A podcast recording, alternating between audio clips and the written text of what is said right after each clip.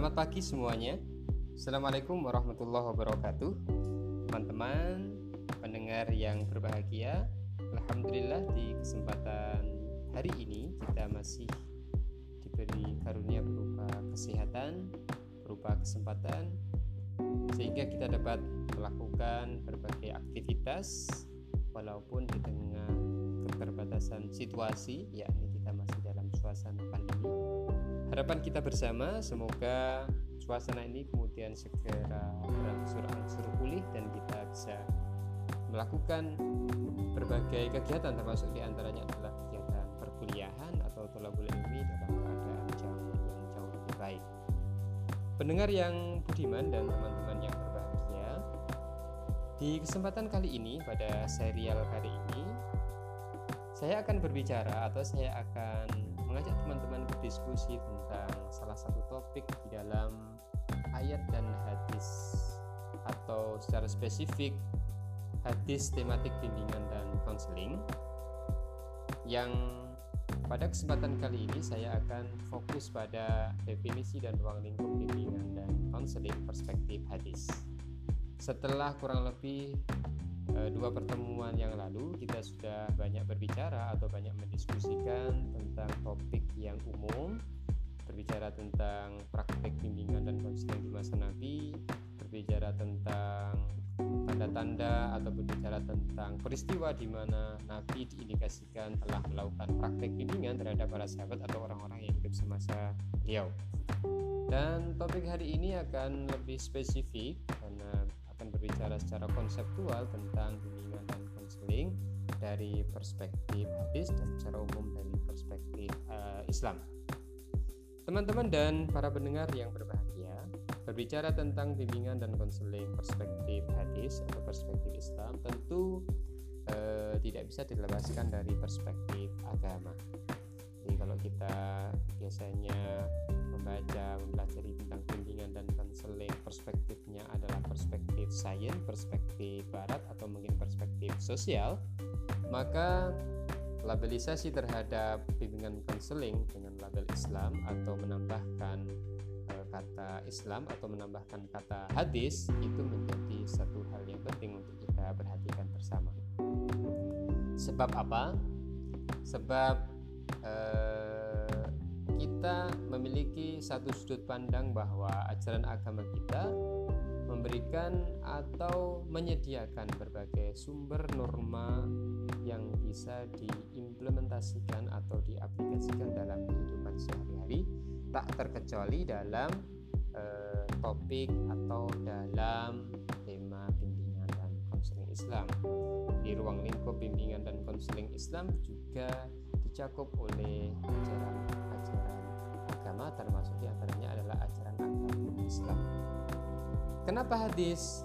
Karena hadis ini adalah salah satu sumber norma yang dipedomini oleh umat muslim dan di dalam hadis terdapat berbagai catatan sejarah dan catatan peristiwa yang lebih detail dan kompleks gitu ya jadi kalau Al-Quran bisa jadi sebagian berbicara umum global sedangkan hadis berbicara lebih spesifik dan detail karena hadis ini adalah eh, tak ubahnya Al-Quran yang hidup yang dicontohkan atau yang dilakukan oleh maka salah satu cara yang ideal untuk mengamalkan atau mengerjakan Islam secara utuh adalah di antaranya dengan mengikuti sunnah-sunnah sunnah-sunnah Nabi atau mengikuti eh, pesan-pesan yang tertulis di dalam hadis Teman-teman dan seluruh pendengar yang berbicara tentang definisi bimbingan dan konseling Islam tentu tidak jauh berbeda dari bimbingan dan konseling pada umumnya,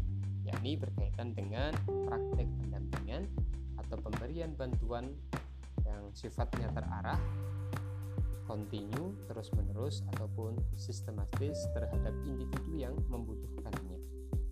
Serta e, berupaya untuk mengembangkan potensi atau fitrahnya baik itu fitrah beragama atau, atau fitrah menjadi manusia secara optimal dengan berpedoman pada nilai-nilai yang bersumber di dalam atau dari Al-Quran dan dan hadis.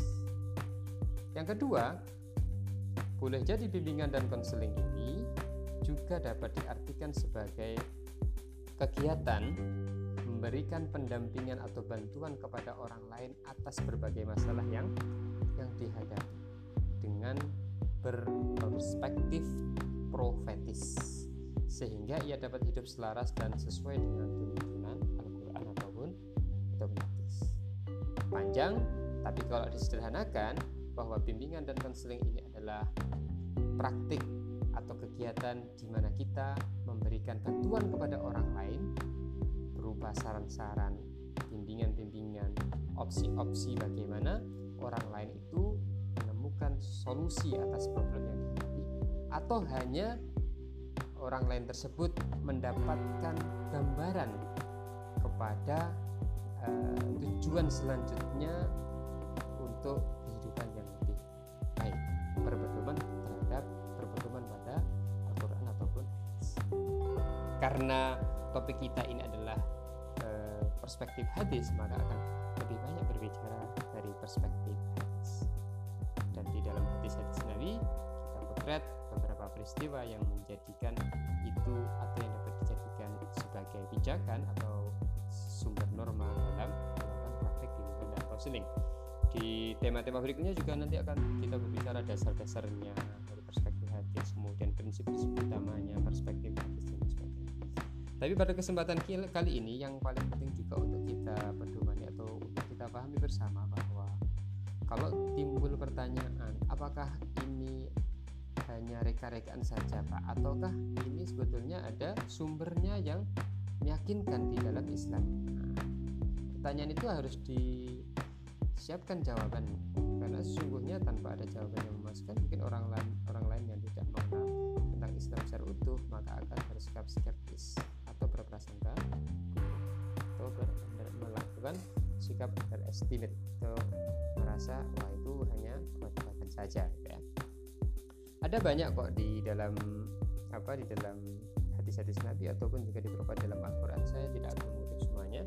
Ada salah satu contoh hadis misalkan hadis ini diriwayatkan oleh Imam Muslim dalam kitabnya As-Sahih eh, dan ia sampai pada rawi sahabat yang bernama Abu Hurairah. Abu Hurairah ini adalah salah satu sahabat yang memiliki riwayat yang jumlahnya sangat banyak walaupun berinteraksi dengan Nabi tidak lebih lama dari sahabat-sahabat yang lain tapi Abu Hurairah termasuk orang yang memiliki riwayat yang banyak di antara sahabat-sahabat.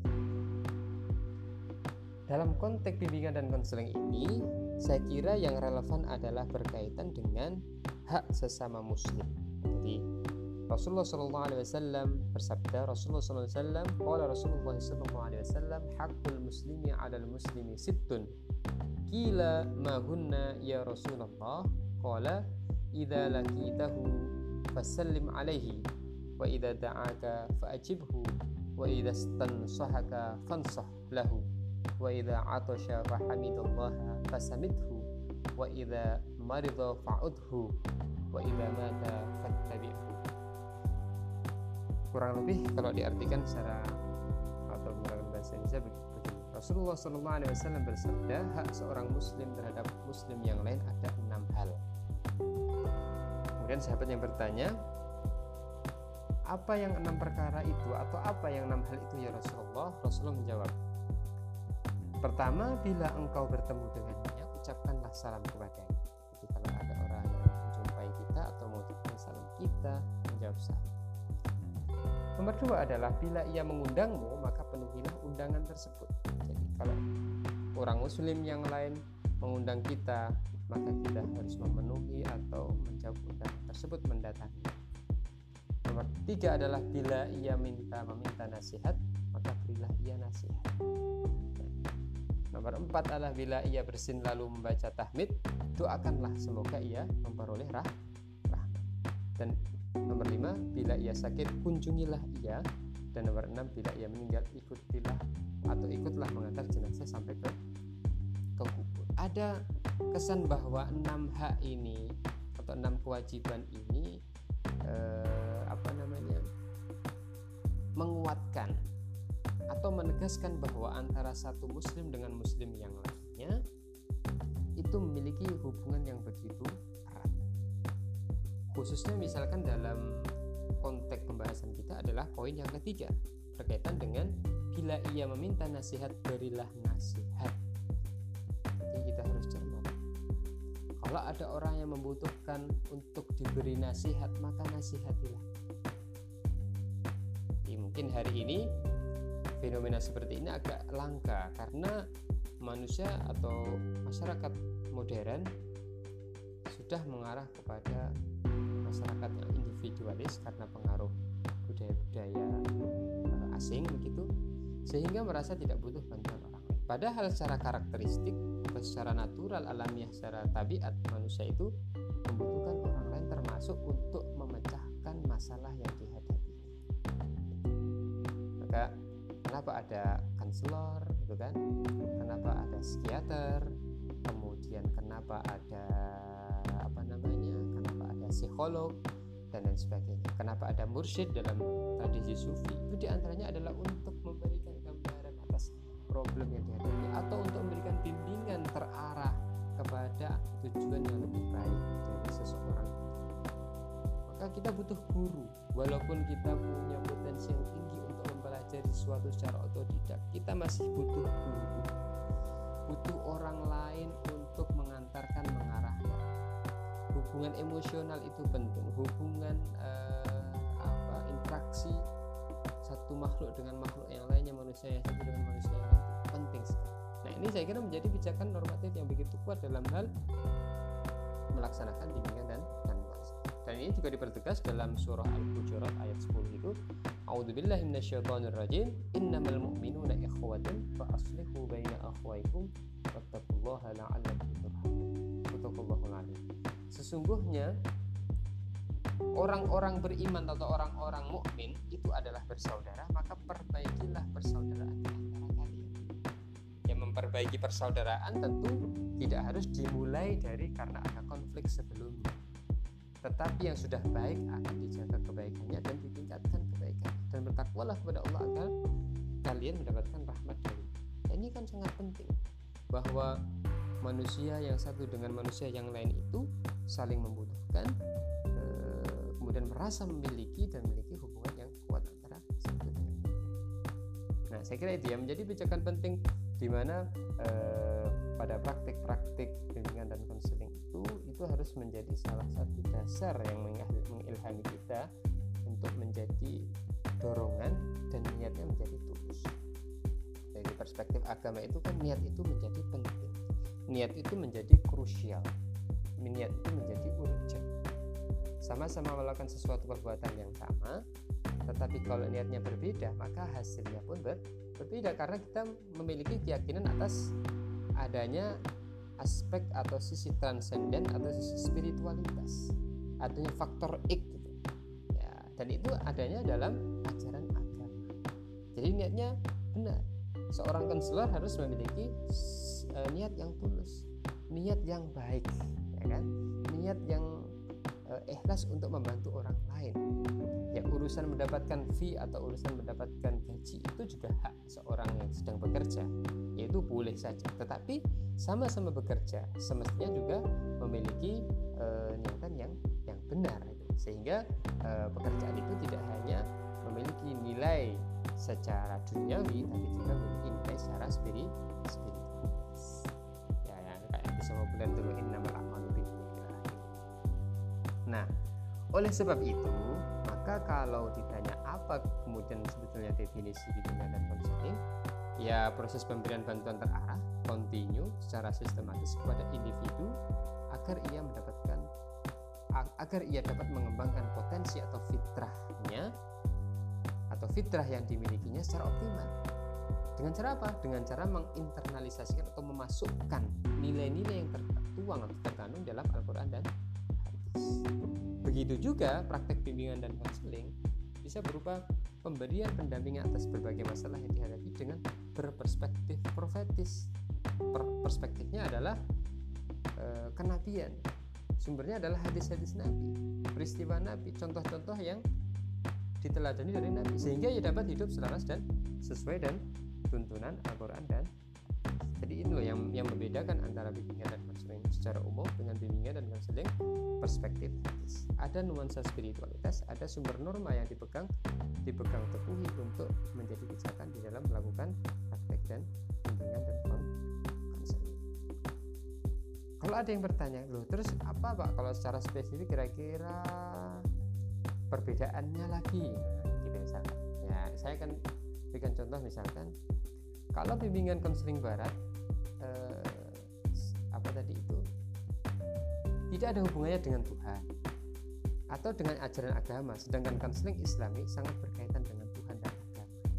Dengan kata lain bahwa setiap muslim mempunyai tanggung jawab atau kewajiban untuk memperbaiki memperbaiki kondisi atau keadaan orang lain atau memberikan saran eh, yang diarahkan kepada perbaikan orang lain itu lebih-lebih ketika seorang konselor melihat saudaranya sedang menghadapi sederhananya bahwa ketika praktek bimbingan dan konseling itu disampaikan kepada orang lain yang motifnya tadi itu. Di antaranya adalah karena tujuan atau rasa tanggung jawab sesama sesama muslim. Atau kalau tidak sesama muslim itu adalah sesama manu, manusia. Sikap yang merasa tanggung jawab itulah atau sikap merasa ingin uh, membantu orang lain dan berdiri kepada orang lain. Itulah yang sebenarnya sikap-sikap yang yang luhur juga. Tidak hanya bermotif ekonomi. Misalkan konselor atau guru atau uh, guru bimbingan dan konseling misalkan di barat sangat berorientasi pada materi. Dan mengesankan uh, orientasinya adalah sekuler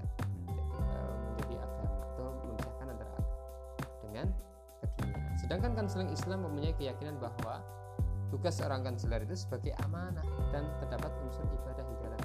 Ya hampir sama lah ya, bahwa itu adalah amanah.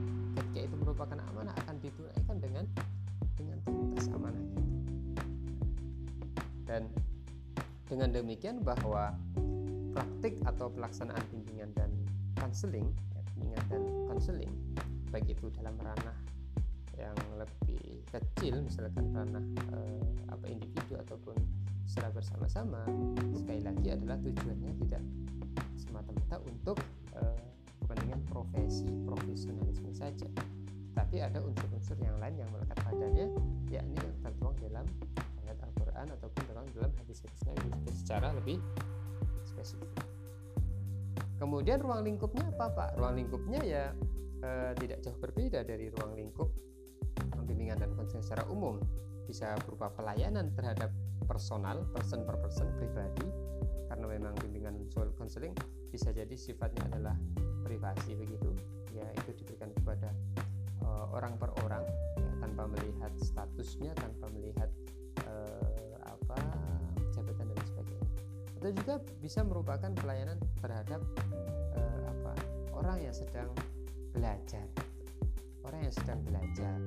Ini akan relevan ketika bimbingan dan konseling itu dilakukan di sekolah-sekolah secara pribadi secara untuk orang-orang atau targetnya orang yang apa siswa atau mahasiswa itu juga menjadi uh, ranah dan ruang lingkup dari bimbingan dan dan konseling karena sebagaimana kita ya ketahui kalau praktik uh, guru BK di sekolah itu biasanya kan mengesankan uh, ya ini memperbaiki moralitas anak-anak. Sebetulnya kesannya demikian terlalu sempit sebab harusnya pembimbing pembimbing uh, pembimbing di pembimbing konseling atau uh, di sekolah di antaranya adalah memberikan kesempatan seluas-luasnya bagi setiap siswa yang menghadapi problem di kehidupannya baik di rumah maupun di di sekolah.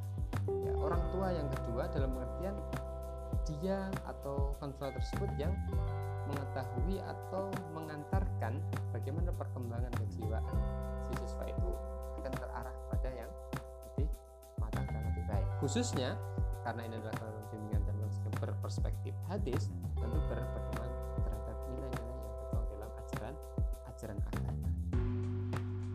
Uh, kemudian juga selain pada ranah sekolah tentu ruangan bimbingan atau terpancing juga pada pelayanan sosial terhadap orang-orang yang apa itu tunawisma kemudian juga orang yang putus uh, orang yang broken kemudian mantan mantan apa eh, pekerja seks komersial dan lain sebagainya. Orang-orang yang menghadapi problem-problem kehidupan dan lain sebagainya.